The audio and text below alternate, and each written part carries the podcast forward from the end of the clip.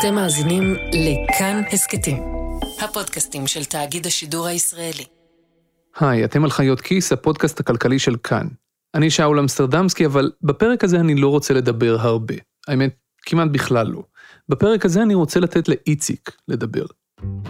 איציק רומבי הוא חבדניק ג'ינג'י עם אנרגיה כובשת. פגשתי אותו לראשונה בקיץ 2013. ישבנו בקפה ארומה בממילה בירושלים, לפגישה שאני זוכר עד היום, כי היא הייתה גם מאירת עיניים בשבילי, וגם כי הלהט שבו איציק דיבר היה יוצא דופן.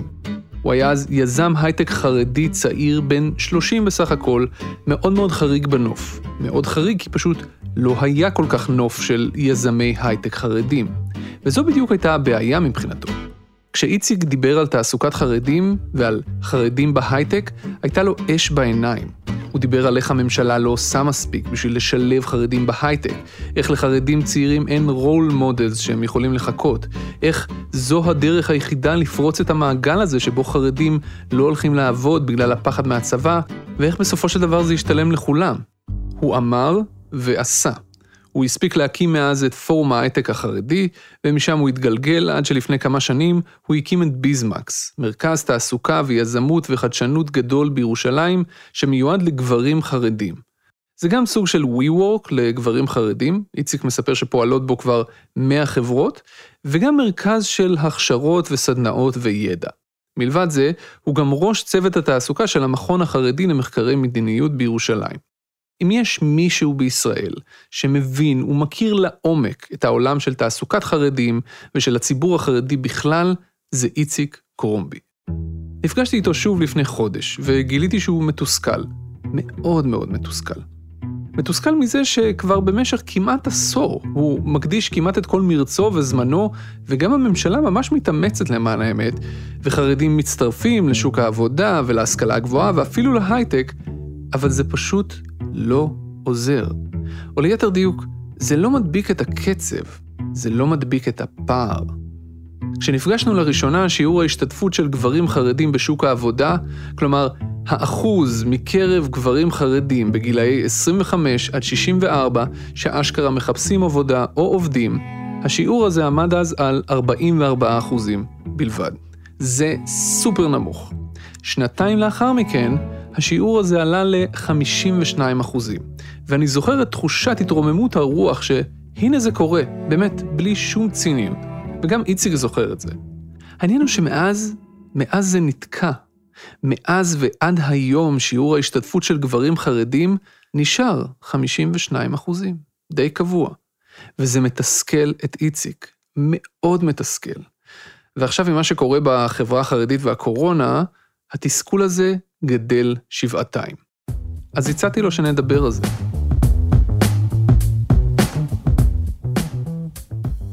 בפעם האחרונה שפגשתי אותך לפני, כמה זה, נגיד חודש וחצי, סדר גודל, נראית לי הרבה יותר אה, מיואש מבדרך כלל. אה, ואני אשמח שתסביר לי למה. מיואש זה לא הגדרה נכונה, אם הייתי מיואש כנראה ש, שלא הייתי, כנראה שהייתי מרים ידיים, אבל, אבל לא. האמת שאין לנו פריבילגיה להרים ידיים גם אם הייתי מיואש.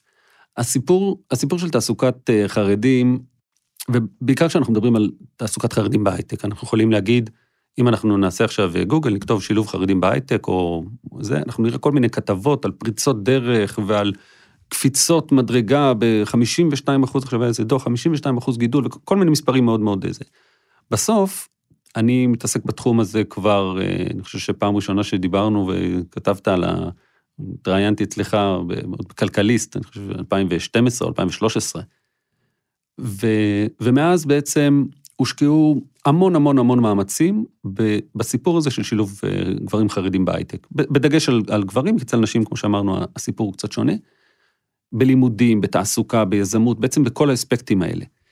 ובעצם יש פה תופעה שאנחנו מסתכלים, ומצד אחד אנחנו רואים שיש הרבה מאוד שחקנים שפעילים בתחום הזה, זה אומר אה, תעשייה ואקדמיה וממשלה, והיו תוכניות והוקצו כספים, באמת סכומים יחסית ל, ל, ל, לנושאים אחרים נגיד שרלוונטיים בחברה החרדית, סכומים מטורפים, כאילו עשרות מיליונים על כל מיני תוכניות. אבל כשאנחנו מסתכלים על המספרים, אנחנו בערך מ-2012-2013, שאנחנו מדברים שאז פחות או יותר גם התחילו למדוד, כי לפני זה מספרים היו מאוד מאוד קטנים, אנחנו בסטגנציה כמעט מוחלטת. זאת אומרת שאנחנו מסתכלים בסוף על המספרים, כמעט בכל היבט שאני מסתכל עליו, אם אני מסתכל על כמות החרד... מסך החרדים העובדים, כמה מתוכם עובדים בהייטק, אם אני מסתכל מסך העובדים בהייטק, כמה מתוכם הם חרדים, בשתי המספרים האלה אנחנו מסתכלים, אנחנו ממש פלט. לא, לא הזזנו את המחט במילימטר. אנחנו מדברים על אה, 1.6 אחוז מסך, אה, מסך החרדים שמועסקים בהייטק, זאת אומרת כמה מתוך המועסקים בהייטק הם חרדים, אז אנחנו מסתכלים על, ב-2012 היינו ב-1.6, עכשיו אנחנו ב-1.7 אחוז, שזה, עוד פעם, החברה החרדית היא 12 אחוז מהאוכלוסייה כבר, עם קצב גידול מטורף, זאת אומרת, אה, אה, ואנחנו לגמרי, לגמרי פלט, היה שנים שהיו טיפה עלייה, טיפה ירידה, זה מספרים קטנים, אז גם קשה, קשה למדוד את זה. גם כשאנחנו מסתכלים על כמה אחוז מבין האנשים, החרדים העובדים, אתה אומר, אוקיי, יותר חרדים יוצאים לעבוד, אז גם יותר חרדים יהיו, ילכו למקצועות עם פריון יותר גבוה וילכו להייטק. כי קצב הגידול של, של חרדים בתעסוקה בשנים האלה עלה, אבל עדיין המספר של החרדים, מתוך החרדים העובדים גם, שעובדים בהייטק, הוא גם נשאר אותו דבר. אנחנו גם היינו ב... 4.8 אחוז והגענו ל-4.9 אחוז, זאת אומרת, ממש לא הזזנו. ו, ואפילו שאני מסתכל על המספרים, זאת אומרת, בסוף אני מסתכל, אני אומר, אוקיי, אז, אז מה, אז לא קרה כלום? אז כן, אז במספרים עלינו. אבל הגידול הוא כל כך קטן, שאנחנו מדברים על קצב של אה, 200 איש בשנה, 250 איש בשנה, 150 איש בשנה, מספרים כל כך, כל כך זעומים, שאנחנו לא מצליחים להזיז את המחט. ואז באמת אני, אתה אומר מיואש, זה, זה לא עניין של מיואש, אבל אנחנו מנסים לחשוב, רגע, כל, כל כך הרבה אה, תוכניות היו, וכל כך הרבה כסף הושקע, וכל כך הרבה אנשים רוצים, ולא הצלחנו להזיז את המחט. בסוף המחט נשארה, התודעה השתנתה. יש תודעה, גם בתוך החברה החרדית, וגם בחברה הכללית, שזה כבר לא איזה משהו שאם אתה שם את המילים חרדים והייטק, מה שהיה לפני עשר שנים, היית אומר חרדים והייטק, אה, איך אומרים בחרדית, ביידיש, ספסנישט, זה, זה לא שייך, זה לא, לא קשור. היום, כן, יש, יש הבנה שחרדים יכולים להיות בהייטק, אנחנו יכולים לראות בכל מיני חברות הייטק, אנשי אה, הייטק אה, חרדים, אבל, אבל אנחנו לא מצליחים להזיז את המחט, ובסוף אנחנו מנסים לראות איך אנחנו מצמצמים את הפערים, איך אנחנו מייצרים יותר הכנסה בחברה החרדית, ואיך אנחנו תורמים ל, ל, לשוק ההייטק, לענף ההייטק שמשווע לעובדים, ואנחנו לא מצליחים לעשות את זה. למה? זו שאלה ש... וואו, באמת שאין לי עליה תשובה אה, מדויקת. וזה מה שאנחנו מנסים להבין. הפרויקט שאנחנו עושים עכשיו, זה אנחנו מנסים עכשיו לעשות איזשהו אה, מחקר כדי להבין באמת את החסמים ואת ההזדמנויות. אנחנו, בעצם מה שאנחנו עושים, אנחנו גם ממפים את, את מה שקורה בתעשיית ההייטק, מאיפה אנשים הגיעו, איפה הם עובדים. אנחנו בודקים את האפקטיביות של כל התוכניות הקיימות. אני חושב שחלק חלק, חלק מהסיפור זה פיזור של אה, משאבים. זאת אומרת, יש מלא מלא אה, יזמויות קטנות שמנסות לעבוד, אין שום תוכנית מוסדרת שמנסה לעשות את זה, לא ממשלתית ולא פרטית. זאת אומרת, גם לא לפילנטרופיה, יש כל מיני ניסיונות לעשות אה, דברים כאלה, אבל גם היום אני מבין שהאתגר הוא הרבה יותר, הרבה יותר משמעותי ממה שחשבנו. זאת אומרת, אם, אם בתחילת הדרך אמרנו, אוקיי, רגע, יש איזושהי בעיה, שיש, אה, המעסיקים פחות רוצים, המעסיקים פחות, פחות מודעים לסיפור, ויש כל מיני חסמים, בוא, בוא ננסה אה, לשבור את תקרת הזכוכית ולאפשר ל, ליותר אה, גברים ונשים חרדיות להשתלב בתעשייה. בדומה למה שנגיד הייתי חושב שיקרה נגיד עם אה, זה שיש פחות נשים בתעשייה. יש פחות נשים בתעשייה גם מכל מיני מאפיינים, אבל חלק מזה זה, זה, זה, זה לא כל כך אתגר אה, אה, שהוא כל כך משמעותי, או אפילו אם אני מסתכל על ערבים, על גברים ערבים שגם יש שם, בעיה וגם יש כל מיני ניסיונות לעשות. אז גם כן אני מסתכל ואני אומר, אוקיי, בסופו של דבר אבל אנשים מגיעים עם איזשהו בסיס, עם איזשהו רקע. בחברה החרדית, גברים חרדים, הפערים שאנחנו מנסים לסגור, לבחור חרדי, לצורך העניין, בוא ניקח אה, איזשהו פרסונה. בחור חרדי למד בישיבות, אה, בגיל 19, 20, 21 התחתן, הוא בהתחלה עוד יושב בכולל, מהר מאוד כבר יש לו ילד, בגיל 22, 23, 24, הוא רק מתחיל לחשוב פתאום מה הוא עושה עם החיים שלו. ובגיל הזה עכשיו, נגיד שיש לו מוטיבציה, ונגיד גם שיש לו את היכולות, לא, לא לכולם יש את היכולות, ולא לא לכולם מתאימים מבחינת מבחינה קוגניטיבית, אה, כישורים, מיומנויות, והוא אומר, אוקיי, אני רוצה לעשות את הצעד הזה.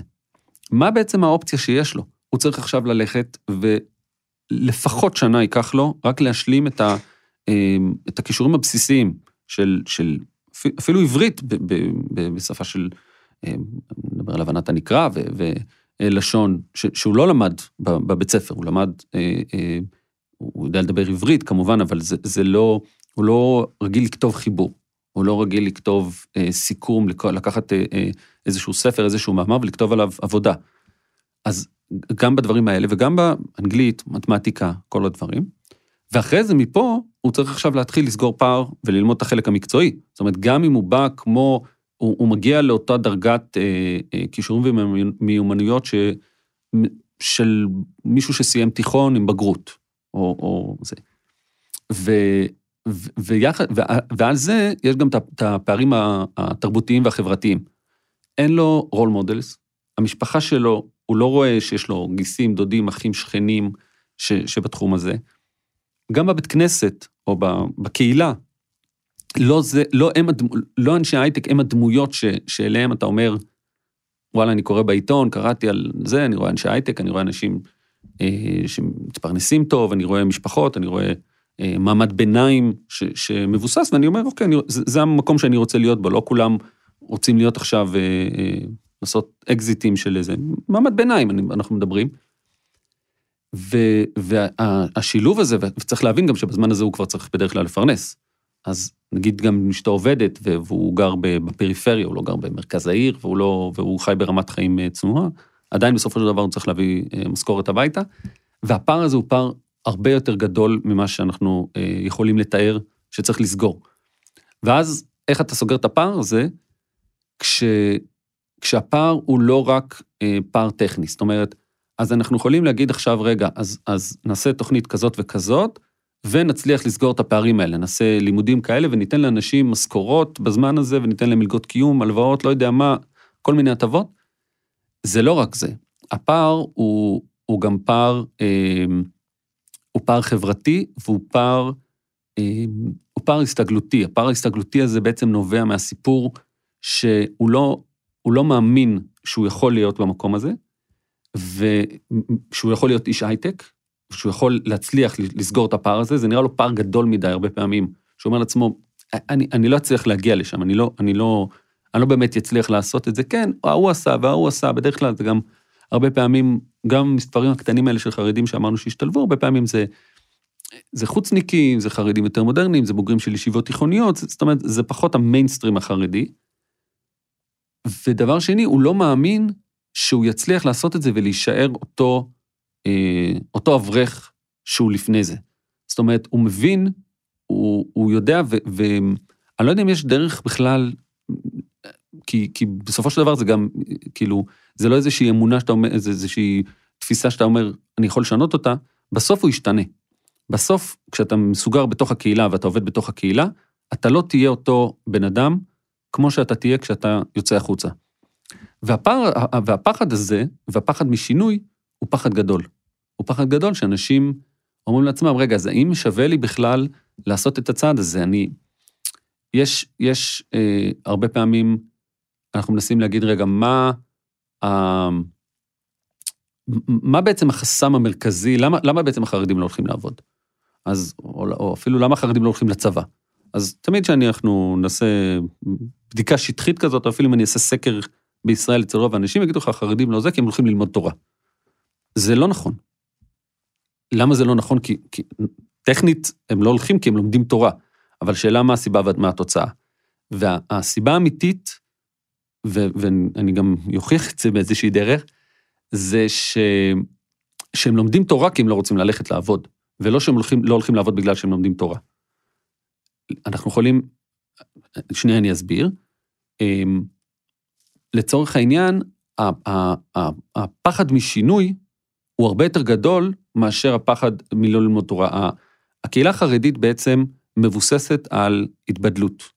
מבוססת על זה שאנחנו אה, אה, רוצים להישאר כ, כקהילה סגורה. עכשיו, אתה יכול להגיד, זה המנהיגים הרוחניים, הרבנים, הפוליטיקאים, ווטאבר, סוגרים את הקהילה בתוך, מה שנוהגים להגיד, גטאות כדי שלא יצאו החוצה. אה, כן, בוודאי, בוודאי שזה חלק מהסיפור, למה הם עושים את זה.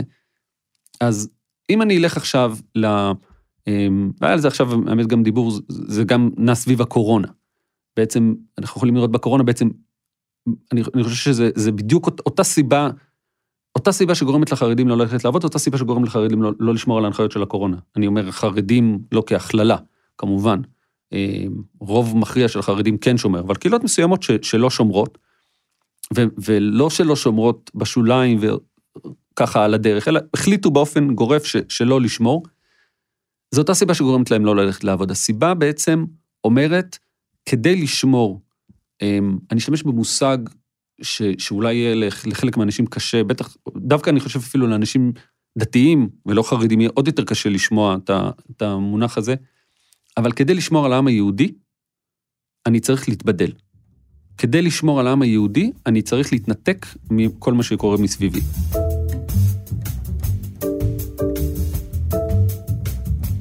יש אה, פרופסור פרידמן בישיבה אוניברסיטי בניו יורק, הוא פרופסור להיסטוריה של העם היהודי, הוא נותן קורס מאוד ככה מפורסם וכל אה, הסטודנטים מחכים, והוא מתחיל את הקורס שלו בהיסטוריה של העם היהודי, ואומר, לפני שאני רוצה ללמד אתכם את ההיסטוריה של העם היהודי, אני רוצה להגיד לכם משהו אחד שאתם לא יודעים, העם היהודי מת.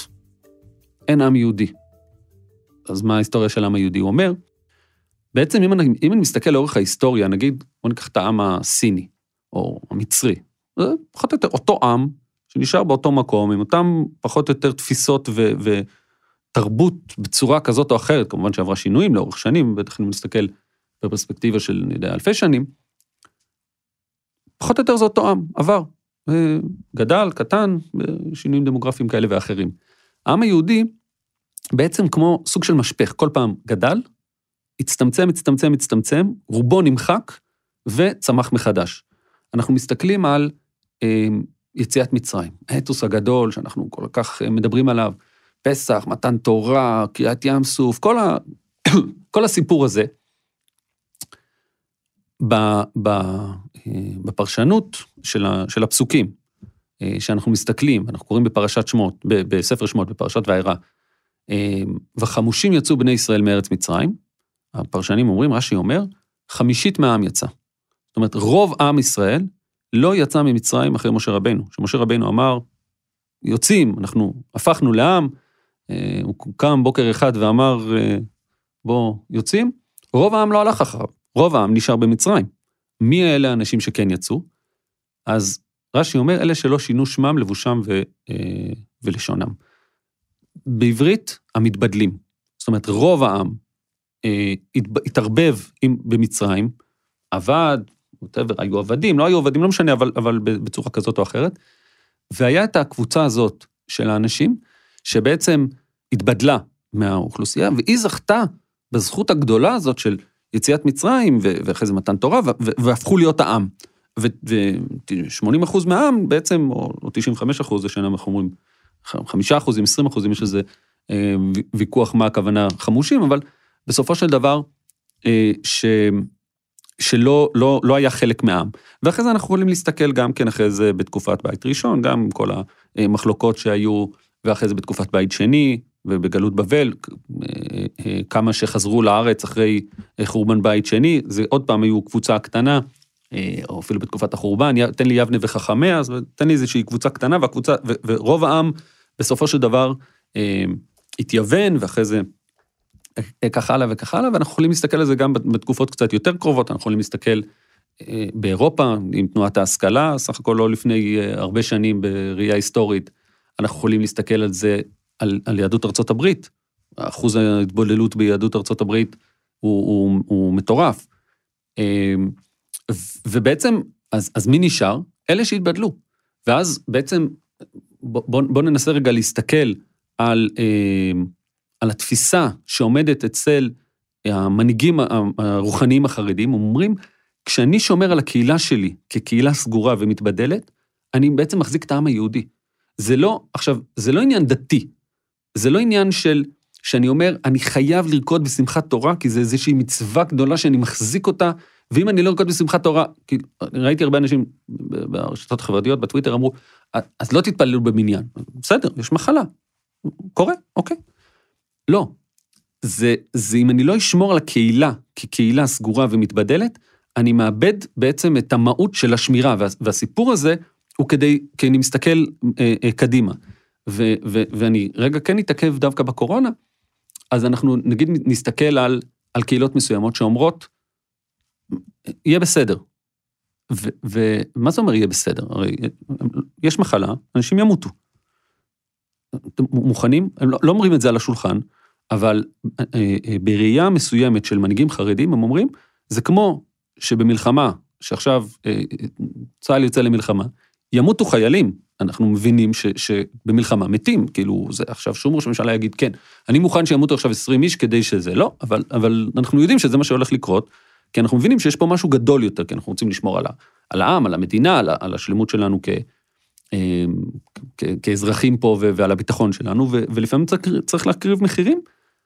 אז, אז גם פה צריך בעצם להקריב, אה, אה, צריך להקריב באיזשהו מובן מחירים, גם בחיי אדם, כדי לשמור על משהו שהוא גדול, כדי לשמור על העם. ו, ואני אחזור רגע ל, ל, לנושא התעסוקה, אז גם בנושא התעסוקה בעצם, ותעסוקה, צבא, אקדמיה, לא משנה, כל, כל, כל דבר שבעצם הוא, הוא מדבר על השתלבות ב, אה, ויציאה מתוך המסגרת הקהילתית, הוא בעצם איום על הקהילה, הוא איום על, ה, אה, אה, על הדת ועל ה, על השלמות של העם היהודי. בעצם אנחנו מסתכלים, זה, זה, זה לא משהו שאני לא מצפה שמישהו יגיד, אוקיי, אוקיי, נכון, הם שומרים על העם היהודי, אז, אז, אז אני... לא, אבל, אבל בוא רגע נבין את הנרטיב של, של מה קורה בתוך הסיפור החרדי. אז בתוך הסיפור החרדי, ההתבדלות הזאת זה השמירה על העם היהודי. וכשאתה מנסה אה, אה, להחזיק כזה דבר חזק, אז, אז אני חוזר ל, לייאוש הזה, זה כוחות מאוד מאוד חזקים. זאת אומרת, זה כוח אחד שמצד אחד אומר, אי אפשר לצאת, אסור לצאת ו- ולפרק את ה... לא אגיד הגמוניה, אבל את, ה- את ההתבדלות הזאת. ומצד שני אני מסתכל ואני אומר, אוקיי, סבבה, אני לא, לא רוצה לשנות אף אחד, באמת שלא. אמ, בטח לא כחרדי בעצמי. ואז אני אומר, רגע, אבל אה, יש פה מצב כלכלי שלא יכול להמשיך ככה. לא יכול, לא יכול להמשיך, אה, גם אם אנחנו מסתכלים, גם אם אנחנו מסתכלים על התחזית הדמוגרפית ואנחנו אומרים, עזוב אותך, זה שטויות, אנשים יחזרו בשאלה חלקם, והם לא יהיו לגמרי אותם חרדים וזה, והתחזיות האלה שאנחנו נגיע ל-25 אחוז, 28 אחוז בעוד 20-30 אה, שנה, הם לא יתממשו. יכול להיות. אה, לא, לא, לא נכנס עכשיו רגע לזה. בוא, בוא נניח שהם לא יתממשו. בוא נלך רגע על, על, על מצב הזה. האם המדינה יכולה להמשיך להתקיים כשעשרה אחוז מהאוכלוסייה הם, בוא, בוא נשים את זה רגע על השולחן, הם גירעוניים. זו אוכלוסייה שהיא גירעונית בבסיס שלה. אמ, אמ, שום, שום אה, אה, אה, מפעל לא היה ממשיך להחזיק, אם, אם זה היה תלוי בו, להמשיך פס ייצור מסוים של עשרה אחוז מהבקבוקים שהוא מייצר, מהכוסות, מהשעונים, מהפלאפונים שהוא מייצר, שהוא גירעוני, שהוא הוא, הוא רק מייצר כסף והוא לא, הוא לא מפסיד, הוא לא, הוא לא מרוויח. אז יגיד לך החרדי, כן, אבל אנחנו לומדים תורה, אנחנו שומרים על העם, יש לזה ערך. סבבה, יש לזה ערך, אה, וזה בסדר שאתה אומר, יש לי ערכים מסוימים שאני מוכן בשביל הערכים האלה, אה, לש, כאילו, אה, לגרוע מה, מהמאזן הכלכלי, כי יש, כי החלק הרוחני הוא יותר חשוב. אבל האזרחים והמדינה לא, לא יכולה להמשיך להחזיק את זה לאורך זמן. ואנחנו יכולים להסתכל עכשיו, בדוגמה מהיום, בלי להסתכל עכשיו 20 שנה קדימה, אנחנו מסתכלים על ירושלים. ירושלים היום 28 אחוז מהאנשים בכוח העבודה הם חרדים. אה, החרדים הם אוכלוסייה מאוד מאוד צעירה. אנחנו גם יכולים לראות את זה עכשיו בכמות המתים בקורונה, שאומרים 12 אחוז מהחרדים, אה, מהמתים הם, הם חרדים, אבל החרדים בשכבת הגיל העליונה הם רק 3-4 אחוזים. אז גם במתים יש, יש יותר. אבל אם אנחנו נסתכל על ירושלים, ש-28% מה, מהכוח העבודה, מהאנשים בגילי העבודה, לא בכוח העבודה בפועל, הם חרדים, העירייה לא יכולה היום לספק את השירות הבסיסי, המינימלי לתושב, על ידי ההכנסות שלה עצמה, כמו כל עיר אחרת בישראל. היא לא יכולה. קרומבי מזכיר כאן את ירושלים לא במקרה. דיברנו על ירושלים לא פעם בחיות כיס, למשל בפרק 55, הקרב על ירושלים. עיר הבירה שלנו היא עיר עם דמוגרפיה שמבחינה כלכלית היא פשוט הורגת אותה. בירושלים גרים בערך 950 אלף אנשים, שליש מתוכם חרדים, כמעט 40 אחוז ערבים. כהכללה, שני המגזרים האלה מאוד מאוד עניים, ולכן הם זוכים להנחות רבות בארנונה, וכמעט שלא מכניסים כסף לקופת העירייה. למעשה להפך, הם עולים לעירייה הרבה מאוד כסף בשירותים שהיא צריכה לתת. וכך יוצא שהעיר פשוט לא מסוגלת לעמוד על הרגליים בלי הנשמה מלאכותית של קופת המדינה כל שנה. וירושלים, לפי קרומבי, ואני מאוד מסכים איתו, היא סוג של מיקרוקוסמוס לחברה הישראלית כולה. סוג של הצצה לעתיד של כולנו. אם אנחנו מנתקים רגע את המדינה מהעיר ואנחנו אומרים לעיר תתקיימי כמו כל עיר אחרת, כמו שתל אביב מתקיימת, רעננה, פתח תקווה או כל עיר אחרת, או אפילו כמו בני ברק, שלבני ברק יש דווקא איזשהו ספין אוף אה, נפרד של אזור תעשייה ש, שמייצר לה הכנסות, אבל אז אנחנו מסתכלים על ירושלים, אין לעירייה כסף לפנות זבל. אין לעירייה כסף לפנות זבל. אז מה שקורה זה שמדינת ישראל נותנת מענק איזון שכבר סביב המיליארד שקל בשנה, כל שנה, כדי בעצם לאפשר לעיר הזאת, יש גם את הסיפור של האוכלוסייה הערבית בירושלים, שגם, זאת אומרת, ההכנסות שלה הן שונות, אבל גם אם אני מסתכל רק על האוכלוסייה החרדית ורק על החלק, נגיד, לא, לא בקטע זה, אבל אם נסתכל רק על האוכלוסייה היהודית בעיר, ואני מסתכל על החרדים מסך האוכלוסייה היהודית בעיר, אז העירייה לא יכולה להחזיק את זה. כי פשוט אנשים פחות עובדים ואנשים פחות משלמים מיסים, ואז איך, איך אתה מצליח להחזיק את זה? אז עכשיו יש לנו, כשזה עיר אחת, אז אנחנו אומרים, אוקיי, אז המדינה נותנת מיליארד שקל. איפשהו זה נבלע בתוך התקציב שאין, ואיפשהו מסתדרים עם זה. מה יקרה כשזה יהיה כל המדינה? מי יכניס פה את כל הסיפור הזה?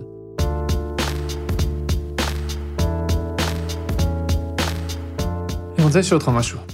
בשנים האחרונות, בכל מה שאני התעסקתי בנושא הזה של אה, חרדים ותעסוקה, יש איזשהו מחנה כזה ש... אני כל הזמן חשבתי שזו רכבת שיצאה מהתחנה, ולא לא ניתן יהיה לעצור את זה. זה נכון שהמיינסטרים, המיינסטרים הוא בהתבדלות, כמו שאמרת, ולא רוצה לשמוע על זה, אבל אני חשבתי שאם המגמה הזאת תמשיך, ורצוי שהיא תואץ, אבל אפילו אם היא תמשיך, זה יגיע לאיזושהי נקודה שתהיה מסה קריטית, כך שאותם צעירים חרדים שהזכרת, יראו את ה role models בשכונה שלהם, יראו מספיק אנשים, איך אחד מהם אמר לי באותה כתבה שראיינתי אותך, זה היה הדור ה... אתם כאילו הייתם הדור הזה שפורץ את הדרך. אה, ואחד מהם אמר לי, כשיהיו מספיק חרדים עם מאזדה מהעבודה בשכונה, אז, אז זה יעבוד, כי יהיו מספיק חבר'ה צעירים שיגידו, אה, הנה, אפשר, גם אני יכול להגיע למאזדה. אה, אז אני, אני האמנתי בתפיסה הזאת של, ה, של המסה הקריטית שתיווצר, ואז להנהגה החרדית לא תישאר ברירה. כי אם היא תרצה לממש את האלקטורט שלה, היא, היא תהיה חייבת לשנות. וחשבתי שרואים את הניצנים האלה אפילו בכנסת כבר לאט לאט, אולי ציפה גפני, ונדמה לי שטעיתי. אה, כל הזמן היה איזה מחנה כזה שאומר, לא, לא, לא, אתה לא מבין, זה טיפה בים, קצב הריבוי הטבעי הוא כל כך גבוה, שזה מילי אחוזים, זה אין, לא תגיע למסה הקריטית הזו, לא יקרה. מה נכון? עובדתית כנראה שטעית. זאת אומרת, כשאנחנו מסתכלים על המספרים, אני גם חשבתי כמוך יותר, שזה, שזה משהו שיקרה בצורה יותר מואצת. ואפילו לא מואצת, אבל, אבל זה, זה, המספרים ידברו. אין, אין מסה קריטית, אפילו לא קרוב לזה. אנחנו, ל, ל, לצערי, לא מצליחים לייצר את, ה, את השכבה של חרדים שנשארים חרדים בתוך הקהילה, ועובדים ו, ומתפרנסים בצורה אה, אה, טובה, אני אגיד את זה ככה, במקצועות חופשיים ו, ו, וכאלה. אה, אנחנו כן רואים גידול של חרדים שעובדים, אבל, אבל זה יותר הפריפריה החרדית. ואז אנחנו בעצם, אה, זה, זה מחזיר אותי לסיפור של, של, של הדמוגרפיה, שבעצם אני אומר, אוקיי, נגיד, אז החרדים יגדלו, בגלל שיש קצב גידול, אבל לא כולם יהיו חרדים מיינסטרימים, יהיו חרדים יותר, אה, נקרא לזה, יותר מודרניים, ואז החרדים היותר מודרניים האלה, בסדר, אז הם גם יותר יעבדו. אבל, אבל עדיין אז אנחנו נשארים, נשאר עדיין עם עשרה אחוז מהאוכלוסייה הזאת, ש, ש, ובמספרים מוחלטים זה, זה גם גדל, ש, שעדיין לא, אה, שעדיין יישארו אה, מנותקים מה, מהעולם הזה של, של תעסוקה. ואז איך אתה מצליח לייצר איך אתה מצליח לייצר בתוך החברה החרדית, בתוך המיינסטרים החרדי, שכבת אה, אוכלוסייה שהיא גם חרדית וגם עובדת. לא להגיד, אוקיי, אז שיצאו קצת מהעולם העבודה, ואני חושב שיש פה, פה כוחות אני אתן לך, אני אתן לך דוגמה, יש פה כוחות ש, שמתנגדים גם, גם לסיפור הזה. יש, יש זרם לא קטן ב, בישראל, אם זה ב... אם זה בתקשורת או בכל מיני עמותות או, או, או פקידים או זה, שבעצם אומרים, אנחנו לא נאפשר לחרדים אה, אה, את, המקום הזה, שניתן להם את הפריבילגיה הזאת לצורך העניין שהם יכולים גם להיות בעצם חרדים ולהתבדל, ועדיין להיות בתוך המקום של, ב, ב, ב, ב, בתוך עולם התעסוקה, אנחנו ננסה להכריח אותם לצאת ולהיות כמו כולם. ו, והדבר הזה, אני חושב שהוא אחד, אחד הכוחות המאוד מאוד חזקים מהצד השני. זאת אומרת, דיברנו על, ה, על, ה, על הסיפור בתוך החברה החרדית, למה, מה, מה הזרם שמנסה למשוך לצד אחד. מהצד השני, בעצם יש זרם שמנסה, בואו נגיד את זה רגע על השולחן, מנסה לשנות את החרדים. הוא אומר, תשתנו, אתם רוצים ללכת, אתם רוצים ללכת לאקדמיה, אתם רוצים ללכת לעבודה, תשתנו, אתם לא יכולים, אתם לא יכולים לעשות את זה גם וגם. אמרה לי לפני שבוע, דמות כלכלית בכירה, נגיד את זה ככה. הדרך היחידה זה להרעיב את החרדים. להרעיב את החרדים עד שהם ירצו לצאת. ופשוט לבטל את כל הקצבאות, כאילו לאפס, לחתוך בצורה הזה, לייצר את זה על סמך מבחני הכנסה ועניינים, ו- וזה מה שיגרום לחרדים לצאת לעבוד. וזה טעות. זה טעות, כי, כי החלק, הכוח, האמונה הרוחנית הזאת יותר חזקה מהדבר הכלכלי. אנחנו מנסים להסתכל לפי הערכים המערביים, שאנחנו אומרים, רגע, רמת חיים כלכלית, כסף, זה, זה, זה, זה מנוע מאוד מאוד חזק. יש מהצד השני מנוע ש, שמבוסס היסטורית על תפיסות של, של אלפי שנים ושל אמונה מאוד מאוד חזקה, שהוא יותר חזק. אמ, ו, וכשאנחנו מנסים שתי כוחות כאלה להילחם אחד בשני, אנחנו לא נצליח. ומה שקורה עכשיו, אם אתה שואל אותי, אז, אז כאילו, אז מה עושים בעצם? אז, אז כאילו, אז, אז מי צודק ו, ו, ואיך משנים את זה? השינוי יבוא משבירה של, ה, של שני הצדדים בהתנגדות הזאת ובחוסר אמון הזה, בהבנה שהחרדים מפחדים להשתלב כי אה, אה, הם מאמינים שאם הם ישתלבו בתעסוקה אז ישנו אותם, ובהבנה של הציבור הכללי מה... אה, מהמדרון החלקלק, מה שמשתמשים ככה בזה, שבעצם אם אנחנו ניתן לחרדים את המקום הזה, אז, אז בסוף זה ישפיע על כלינו, בסוף הם ירצו לשנות אותנו. אני שנייה רוצה לאתגר אותך, כי גם ב-2003 וגם ב-2008, ראינו שהתמריץ הכלכלי כן עובד. כשהקצבאות נחתכו ב-2003 זה העלה את שיעור ההשתתפות, וב-2008 במשבר הכלכלי, כשנגמר הכסף מחו"ל, אה, שיעור ההשתתפות עלה. גם, גם מחירי הדיור, אגב, תרמו לזה. מה היה הפער בין, אני אשאל אותך שאלה, אה, אני אציג את זה. מה היה הפער בין, באחוזי התעסוקה, בין גברים אה, חרדים לגברים חילונים בשנת 2000? לפני שנתניהו נכנס וקיצץ את הקצבאות ולפני המשבר הכלכלי. אני לא זוכר. אז הפער היה 34.5 אחוז. מה הפער היום? 34.4. מה אני אומר? זה, זה, זה מתחבר למי האנשים שיוצאים. זאת אומרת, נכון שיותר חרדים יצאו לעבוד, כי כל השוק יצא יותר לעבוד. זאת אומרת, היה פה דברים ש, שכוחות השוק השפיעו עליהם, וגרמו בעצם ל, לעלייה בכל שיעורי התעסוקה בישראל בכלל. של, אגב, אותו, אותם שיעורים גם בכל העולם קרו באותם, באותם שנים. זאת אומרת, ב-20 שנה האחרונות, יותר אנשים עובדים גם בארצות הברית וגם באירופה, ובהרבה מקומות יש עלייה בשיעורי התעסוקה של גברים. ואז אנחנו מסתכלים בעצם גם, זה, זה כמובן גם השפיע על החברה החרדית, וכמובן שהסיפור הכלכלי הוא פקטור. אי אפשר להגיד, אה, אה, אם נקצץ קצבאות זה לא, זה לא ישפיע, בסוף אנשים צריכים, צריכים לשים לחם על השולחן, ו, וברור ש, שמשלב מסוים. אבל, אבל הפער הזה הוא, הוא לא מספיק. הפער הזה הוא לא מספיק. אני אתן לך, אני אתן לך רגע לנסות להיכנס רגע לראש של, של משפחה חרדית. בסדר? דיברנו מקודם על, על אותו אברך עם שני ילדים, הוא בן 24-25, הוא אפילו, נגיד, ניקח אותו בגיל 30, כבר עם אה, שלושה ארבעה ילדים, והוא עכשיו יושב לומד בכולל. אשתו עובדת, והוא אה, לא עובד, והוא מקבל קצבה של 1,800 אה, שקל, הוא מקבל עוד קצת אה, אה, הבטחת הכנסה, או מה שזה לא יהיה, כן, איזושהי אה, דברים, הוא מקבל קצת הנחה בארנונה, הוא מקבל קצת איזה פוסט למזון מהקהילה, הוא מקבל איזה מלגה מהכולל. הערכות מדברות, וזה מאוד משתנה בין קהילות לקהילות, אבל ההטבה שלו היא נעה סביב ה-5,000 שקל. עכשיו, מה אני אגיד? בוא, בוא נוריד לו את זה, נוריד לו את זה ל-4,000 שקל. בסדר, נכון? כי בסוף אתה לא יכול, אה, כאילו, אין לך, לא יהיה לך מאיפה לשאוב ארנונה למישהו שלא עובד, נכון? אז כאילו, הוא לא ישלם את זה בסוף, אז את ההטבה הוא יקבל, זה שווה כסף. מתוך 5,000 שקל האלה חלק זה הטבות וחלק זה מה שהוא מקבל, אבל בכל זאת. עכשיו הוא יצא לעבוד. מה, מה הדרך שלו לצאת לעבוד? אין לו מקצוע, אין לו זה, אוקיי, הוא גם לא רואה את עצמו אה, אה, משתלב, אז הוא ילך ויהיה אה, שוטף כלים במסעדה. אז הוא ילך, יהיה מוכר ב, ב, ב, בחנות מכולת, או, או לא יודע מה. אז מה הוא ירוויח? 6,000 שקל. אוקיי, מה עשינו? לא שינינו, לא שינינו שום דבר. נכון ש, שזה יגרום ל... אנחנו נגיד, אוקיי, אחוזי התעסוקה עלו. האם, האם הוא עדיין יהיה גירעוני למדינה? הוא עדיין יהיה גירעוני למדינה. כי הוא יחזיק שלושה ארבעה ילדים, והוא ירוויח 6,000 שקל. אז לא עשינו כלום. אם אנחנו רוצים לייצר שינוי, אנחנו צריכים להבין, אנחנו רוצים שהוא ירוויח 17,000 שקל.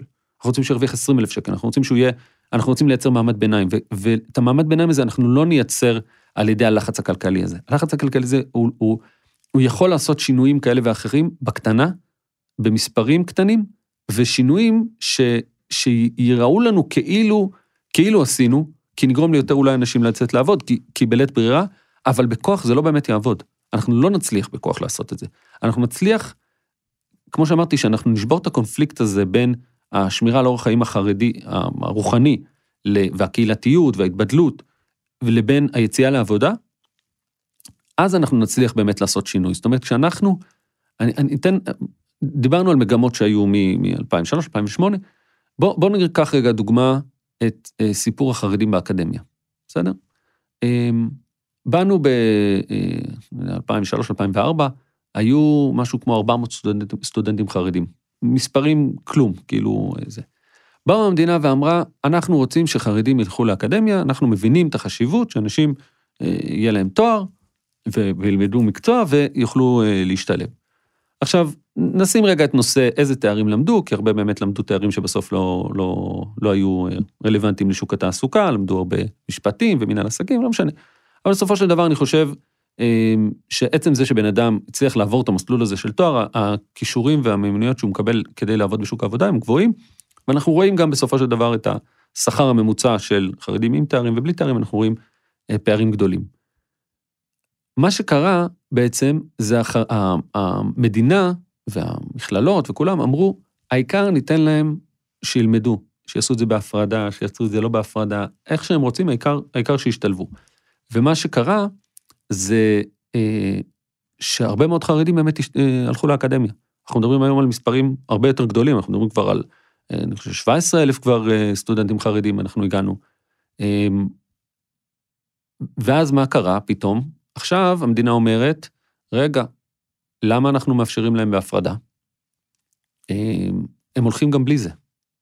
או, יש טענה אחרת שבתוך מבקר המדינה אמר, קבעו יעדים, אמרו בוא נעשה הפרדה, ובעקבות ההפרדה אנחנו רוצים להגיע לאיזה שהם מספרים, לא זוכר את המספר שהיה, ולא הגיעו. אז אמרו, הנה, ההפרדה לא עזרה. ו... ולמרות שעשינו הפרדה, זה לא, זה לא עבד. אז בואו נבטל את ההפרדה. ובעצם אה, יש על זה בג"ץ, ויש על זה דיונים, ובמל"ג והכל. אמ, וכרגע בעצם לא מאפשרים הפרדה בתואר שני, מאפשרים רק בתואר ראשון. זה איזשהו משהו באמצע. אמ, התהליך הזה הוא ברקס, הוא ברקס עצום בתוך החברה החרדית לתהליכי השתלבות, כי בעצם אה, אומרים להם, אה, כאילו, פתחנו קצת דלת, ניסינו, אבל אנחנו לא באמת רוצים לתת לכם, אנחנו לא באמת מאפשרים לכם לחיות את החיים שלכם ואת האורח החיים שלכם הנפרד, המתבדל, עם ערכים שונים, שמתנגשים עם הערכים הכלליים במדינה. אה, ואז, ואז אנחנו עוד פעם חוזרים לשאלה, האם אנחנו רוצים להיות צודקים ולהגיד, לא, יש ערכים שלא, כאילו, שוויון ו... ו, ו בין המינים ו, ומעורבות והשתלבות בחברה הישראלית, זה הדבר הכי חשוב, או שאנחנו אומרים, אנחנו רוצים בעצם אה, לאפשר לחרדים לשמור על הבידול שלהם, ועדיין כמה שיותר אה, להשתלב.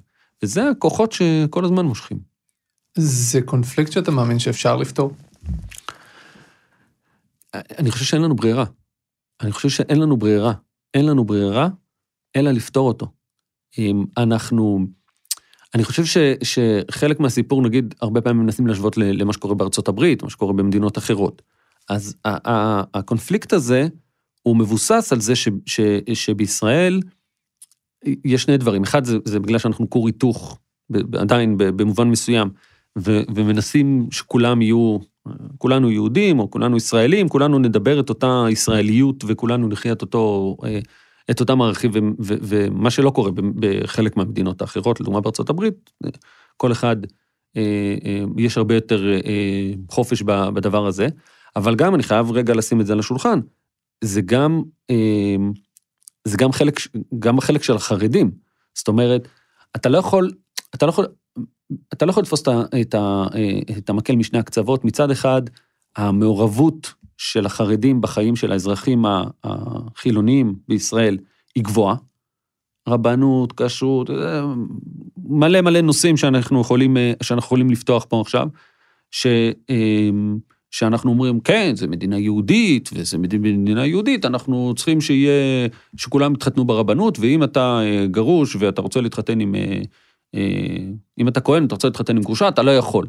כי, כי אנחנו מדינה יהודית. בסדר, אוקיי, אנחנו צודקים. אז בא מישהו אחר ואומר, אבל אנחנו מדינה ליברלית, אנחנו מדינה דמוקרטית, מדינה דמוקרטית, לא יכולים להיות הפרדה. ואז משהו פה בחוזה הזה, צריך, הוא, הוא, הוא, משני, הוא משני הצדדים.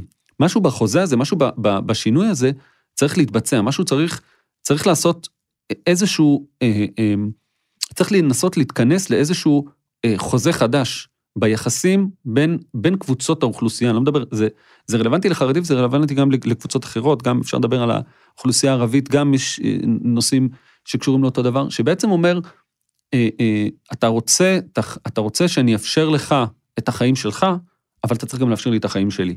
וככל שאנחנו נצליח למצוא, גם המנהיגות הפוליטית החרדית וגם המנהיגות הכללית, לצאת מהמשחק הזה של, של המאבקי כוח האלה בין, בין אחד לשני, כמו, כמו... רגע, רגע, אבל תקן אותי אם אני טועה, הקורונה לקחת אותנו דווקא לכיוון ההפוך.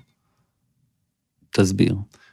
מאבקי הכוח האלה רק מתחדדים. אה, ראשי ערים חרדיות מצפצפים, כמו שאמרת, אין, אין, יפתחו את מערכת החינוך היום, לא מעניין אותי שום דבר. זאת אומרת, והמחנה החילוני, או איך שאתה לא רוצה להגדיר אותו, זה לא חילונים. אה, ישראלים, בוא נגיד את זה. סבבה, אני חושב שמידת הסובלנות וההבנה לצרכים הייחודיים של החברה החרדית, אה, נראה לי שהם נשחקים. כי את המחיר הכלכלי משלמים כולם. הסיפור עכשיו, הסיפור עכשיו בקורונה, אני חושב, חידד מאוד בעצם את, ה, את האוטונומיה החרדית שקיימת. בעצם קיימת פה, אה, חידד מאוד לחברה הישראלית ולכולם, וגם, ואגב, גם לתוך החברה החרדית, שבעצם יש פה חברה שלא מקבלת את הסמכות של המדינה. לא מקבלת את הסמכות של המדינה. בואו נשים את זה רגע על השולחן. מבחינת החרדים, המדינה היא איזושהי אה, סמכות שנייה, שסבבה, נשמע לה כשזה מסתדר, אבל בסוף אנחנו מחליטים בעצמנו. ואם אה, אה, אדמו"ר מסוים מחליט שמבחינתו הקורונה זה לא אישו, אז עזוב את זה שיש פה חברה שלמה שמחליטה, שכקולקטיב החליטה ש, שיש כרגע מגפה ואנחנו, זה, אין סולידריות. אין סולידריות, לא אכפת ממה שקורה בדבר הזה. אני חושב שזה דווקא חידד את מה שאמרתי מקודם. כי, אני לא אגיד לך עכשיו רגע אם זה דבר חיובי או לא חיובי, אבל החברה החרדית צריכה להגיד לעצמה, סבבה, רגע, אנחנו אוטונומיה? אנחנו רוצים, אנחנו רוצים לעשות מה שבא לנו? נגיד שזה, נגיד שבצורה כזאת או אחרת זה בסדר? אז תנו גם לאחרים לעשות מה שבא, מה שבא לכם. אתה לא יכול להגיד, אני אוטונומיה, אני מתנהג איך שבא לי, אני, כל המדינה תהיה סגורה, ו, ו, ואנחנו נמשיך לעשות uh, טישים, עזוב רגע שנייה סיפור של שוליים, כן הפגנות, לא הפגנות, לא, כרוב מכריע של המדינה, מסתגר, עסקים, בתי ספר, כל מה שאנחנו, זה, כולם נפגעים כלכלית, חיי משפחה, דיכאונות, מה שאתה רק רוצה. ואנחנו לא, אנחנו בעולם נפרד. שנייה, אתם בעולם נפרד, סבבה. אז תנו גם לנו לחיות בעולם נפרד. ו, ומשהו בסיפור הזה, דווקא אני חושב ש, שנגיד, הסיפור של, ה, אה, של הקורונה רק חידד לא הפוך, לא סתר את מה ש, שאמרתי מקודם, רק חידד עוד יותר את המקום הזה. אבל הוא לוקח אותנו למקום של אתה יודע מה, fuck it, שיעשו מה שהם רוצים, שישבו בערים שלהם, שיאכלו בקורונה, שימותו בקורונה, אבל שלא ייגעו לי במערכת הבריאות, או להרחיב את זה, כמו שאמרת עכשיו, שייתנו לי לנסוע בשבת בתחבורה ציבורית, כי סבבה, אתם רוצים ככה, שבו, תעשו מה שאתם רוצים, אבל אנחנו יהודה וישראלים ככה. זה נראה לי שאנחנו הולכים יותר לשם, מאשר למקום שאמרת שאנחנו צריכים ללכת אליו אם אנחנו רוצים לפתור את הבעיה. אני חושב שהמצב האופטימלי זה הבנה ש, אמ, שקבוצות, יש את נאום השבטים המפורסם של, של הנשיא ריבלין, אמ, שאגב, אני, אני לא אוהב את ההגדרה הזאת של, של שבטים, אה, זה, אבל, אבל בסופו של דבר, בסדר, יש פה אה, אה, קבוצה, אה, יש פה ארבעה שבטים, ש, שכל אחד בעצם הוא, הוא כבר, הוא, הוא לא לשון מאזניים בשום דבר, גם פוליטית כבר, אנחנו רואים שזה, שמה שהחרדים תמיד היו על לשון מאזניים, הם, הם כבר, כבר מאבדים את, ה, את המקום שלהם. אה, ואז אנחנו אומרים, אוקיי, כל קבוצה צריכה לדעת אה, אה, לגלות סולידריות כלפי, אה, כלפי שאר הקבוצות, ו, ועדיין, בסדר, ניתן לכל אחד את ה... את ה ב, ב, ב, בדברים מסוימים ניתן לה את העצמאות שלה, בצורה כזאת או אחרת, ובדברים מסוימים אנחנו נהיה קולקטיב, עדיין אנחנו נחיה פה כחברה אחת. לאורך זמן, אי אפשר בלי זה. ולאורך זמן אנחנו לא באמת יכולים, אי אפשר באמת לייצר אוטונומיה בתוך מדינה. אי אפשר לנהל ככה דברים. שום, שום חברה עסקית לא הייתה מצליחה להתנהל שיש לה בתוך ה... אה, בתוך החברה, תחת ההנהלה, יש אה, דירקטוריון, יש מנכ"ל, יש אה, סמנכ"לים וזה, ויש איזו יחידה אחת בתוך הזה שמתנהלת בעצמה איך שבא לה. הם עושים תוכנית שיווק כזאת, ההוא מחליט שהוא עושה משהו אחר, אז הוא לא מקשיב לזה. זה לא, זה לא יכול לעבוד, זה לא באמת יכול לעבוד, אבל, זה... אבל לשם אנחנו הולכים כרגע. זה מוזר שאתה חוזר כל הזמן על הדוגמאות האלה של ההיגיון העסקי, כשהחברה שאתה מתאר לא, ההיגיון הזה לא חל עליה. נכון, נכון, אבל בסוף, כשאנחנו מנסים להסתכל על מדינה, אנחנו יכולים עכשיו להתחיל להסתכל ולהגיד ערכים וזה, אבל בסוף יש פה גם אה, אה, כלכלה שאנחנו צריכים להחזיק אותה. ואת הכלכלה הזאת, והכלכלה היא הרי, היא הרי אמונה, כלכלה זה דבר שהוא אה, הוא וירטואלי, הוא לא זה. ו, וכלכלה מבוסס על, מבוססת על, על אמון ועל, ועל הבנה של, של תפיסות חברתיות. וכדי שהתפיסות החברתיות האלה אה, אה, יחזיקו, אנחנו צריכים לקבוע איזשהו חוזה בין, בין הקבוצות. עכשיו, יש פה באמת אה, ש, שני כיוונים שזה יכול ללכת. זה ילך לאחד מהם. זה ילך ל, ל, או למצב שהחרדים אומרים, אנחנו אוטונומיה, ואז הם, אנחנו כחרדים, ו, ו, וכל החברה החרדית צריכה להבין, שאם היא אומרת, אנחנו אוטונומיה, אז יש לזה גם מחיר מהצד השני. אתה לא יכול להגיד, אני אוטונומיה, ואני כן, ואל תתערבו לי בצורה כל כך קיצונית, אבל אני אמשיך להתערב לכם, זה פשוט יתפוצץ לחרדים בפנים. ואז יכול להיות שבצורה כזאת, בסופו של דבר, משהו פה, משהו פה ישתנה, יכול להיות שבסופו של דבר, בצורה כזאת, החרדים, אה, אה, כן, גם נגיד, אה, אם אני מדבר על אקדמיה, אוקיי, ברגע שאתם אוטונומיה, תעשו מה שבא לכם, תקימו מכללות, תעשו זה. אה, תקציבית, מה יהיה? אני מאמין ש, שאת החלק הזה נס, נסגור. אבל האם, האם אנחנו רוצים ואם אנחנו מסתכלים עכשיו קדימה, האם אנחנו חושבים שמדינה באמת תוכל להתקיים, שיש בה אוטונומיות כאלה? שהחברה הערבית תגיד, אני לא מקשיבה, אני עושה מה שבא לי, החברה החרדית תגיד, אני עושה מה שבא לי, החברה הדתית-לאומית, החברה החילונית, כל חברה תגיד, אני מתנהל בעצמי, זה לא יחזיק מים. זה לא יחזיק מים, אנחנו, אנחנו כבר היום רואים את, ה, את השסעים ואת הפילוגים האלה בתוך החברה החרדית, אה, ובתוך החברה הישראלית, ואגב, גם בתוך החברה החרדית עצמה. אמ, לאורך זמן זה לא יחזיק, ויש פה, יש פה גם שאלה, אני חושב ש, שיש עוד נקודה שהקורונה מאוד מאוד חידדה, אמ, שזה גם, גם מאוד מתחבר עוד פעם, גם לנושא של תעסוקה ושל אקדמיה, של יזמות, וכמעט בכל אספקט שאנחנו מדברים עליו, אפילו בנושא של דיור, אני מסתכל. המדינה, למדינה יש גם, כאילו, החרדים כמובן יש להם חלק בזה, באוטונומיה הזאת, אבל למדינה יש חלק לא, פחות, לא, לא יותר קטן בזה. למה, למה, אה, למה אני מתכוון? המדינה אף פעם לא מדברת עם החרדים כאינדיבידואל. היא מדברת עם הקהילה. היא תמיד מדברת עם ההנהגה החרדית, היא מדברת עם האינדיבידואל החרדי.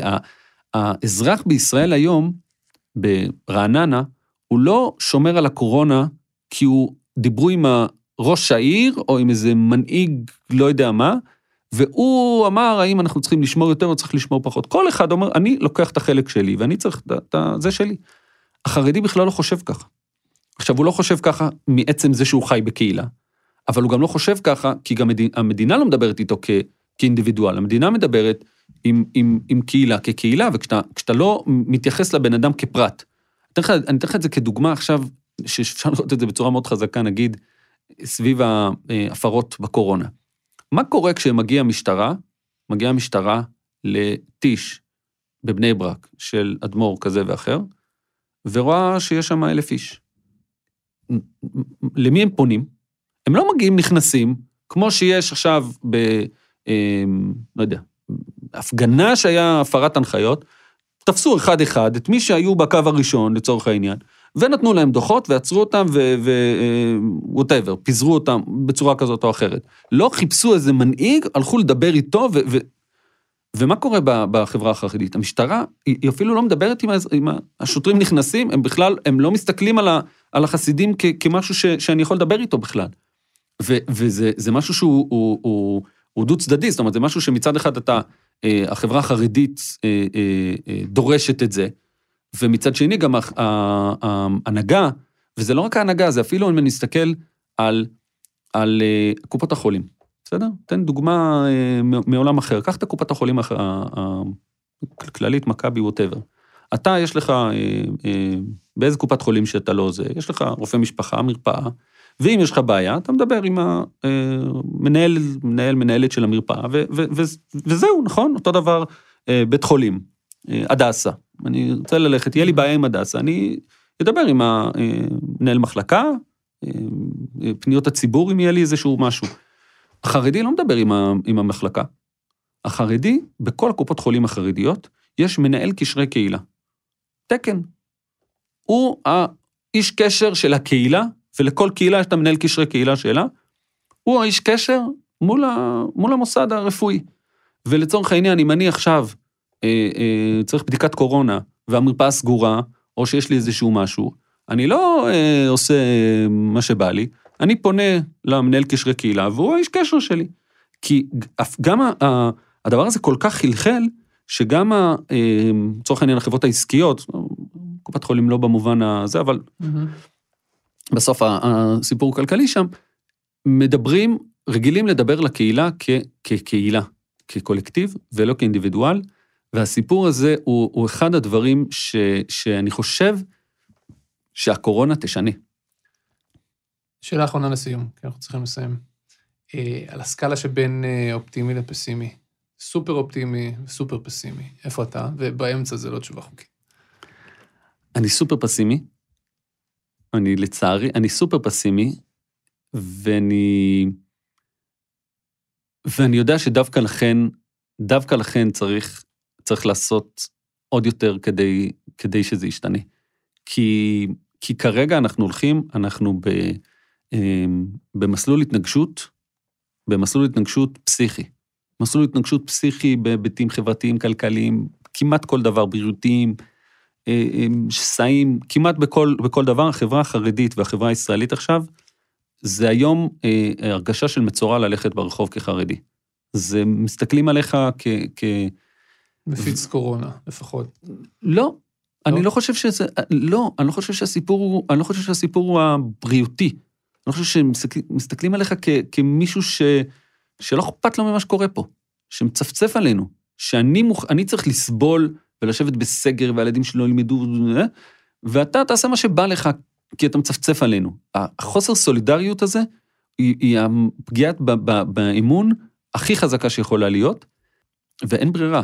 כאילו, אני חושב שכל הצדדים חייבים לנסות לבנות פה משהו אחר, צריך ל, ל, ממש לרענן את, ה, את הסיסטם, ו, ואני חושב שדווקא בקורונה, אני אגיד, אני אגיד שזה נשמע רע, אבל אני חושב שכמה שהמצב עכשיו יהיה יותר גרוע, זה יהיה לנו יותר טוב.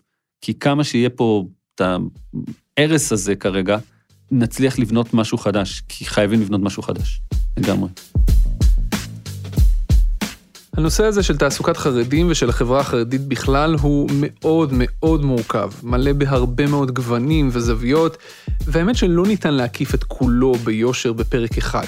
האמת שספק אם סדרת פרקים שלמה תספיק לכל ההיבטים של הסיפור הזה, אבל היי, זה לא שנפסיק לנסות.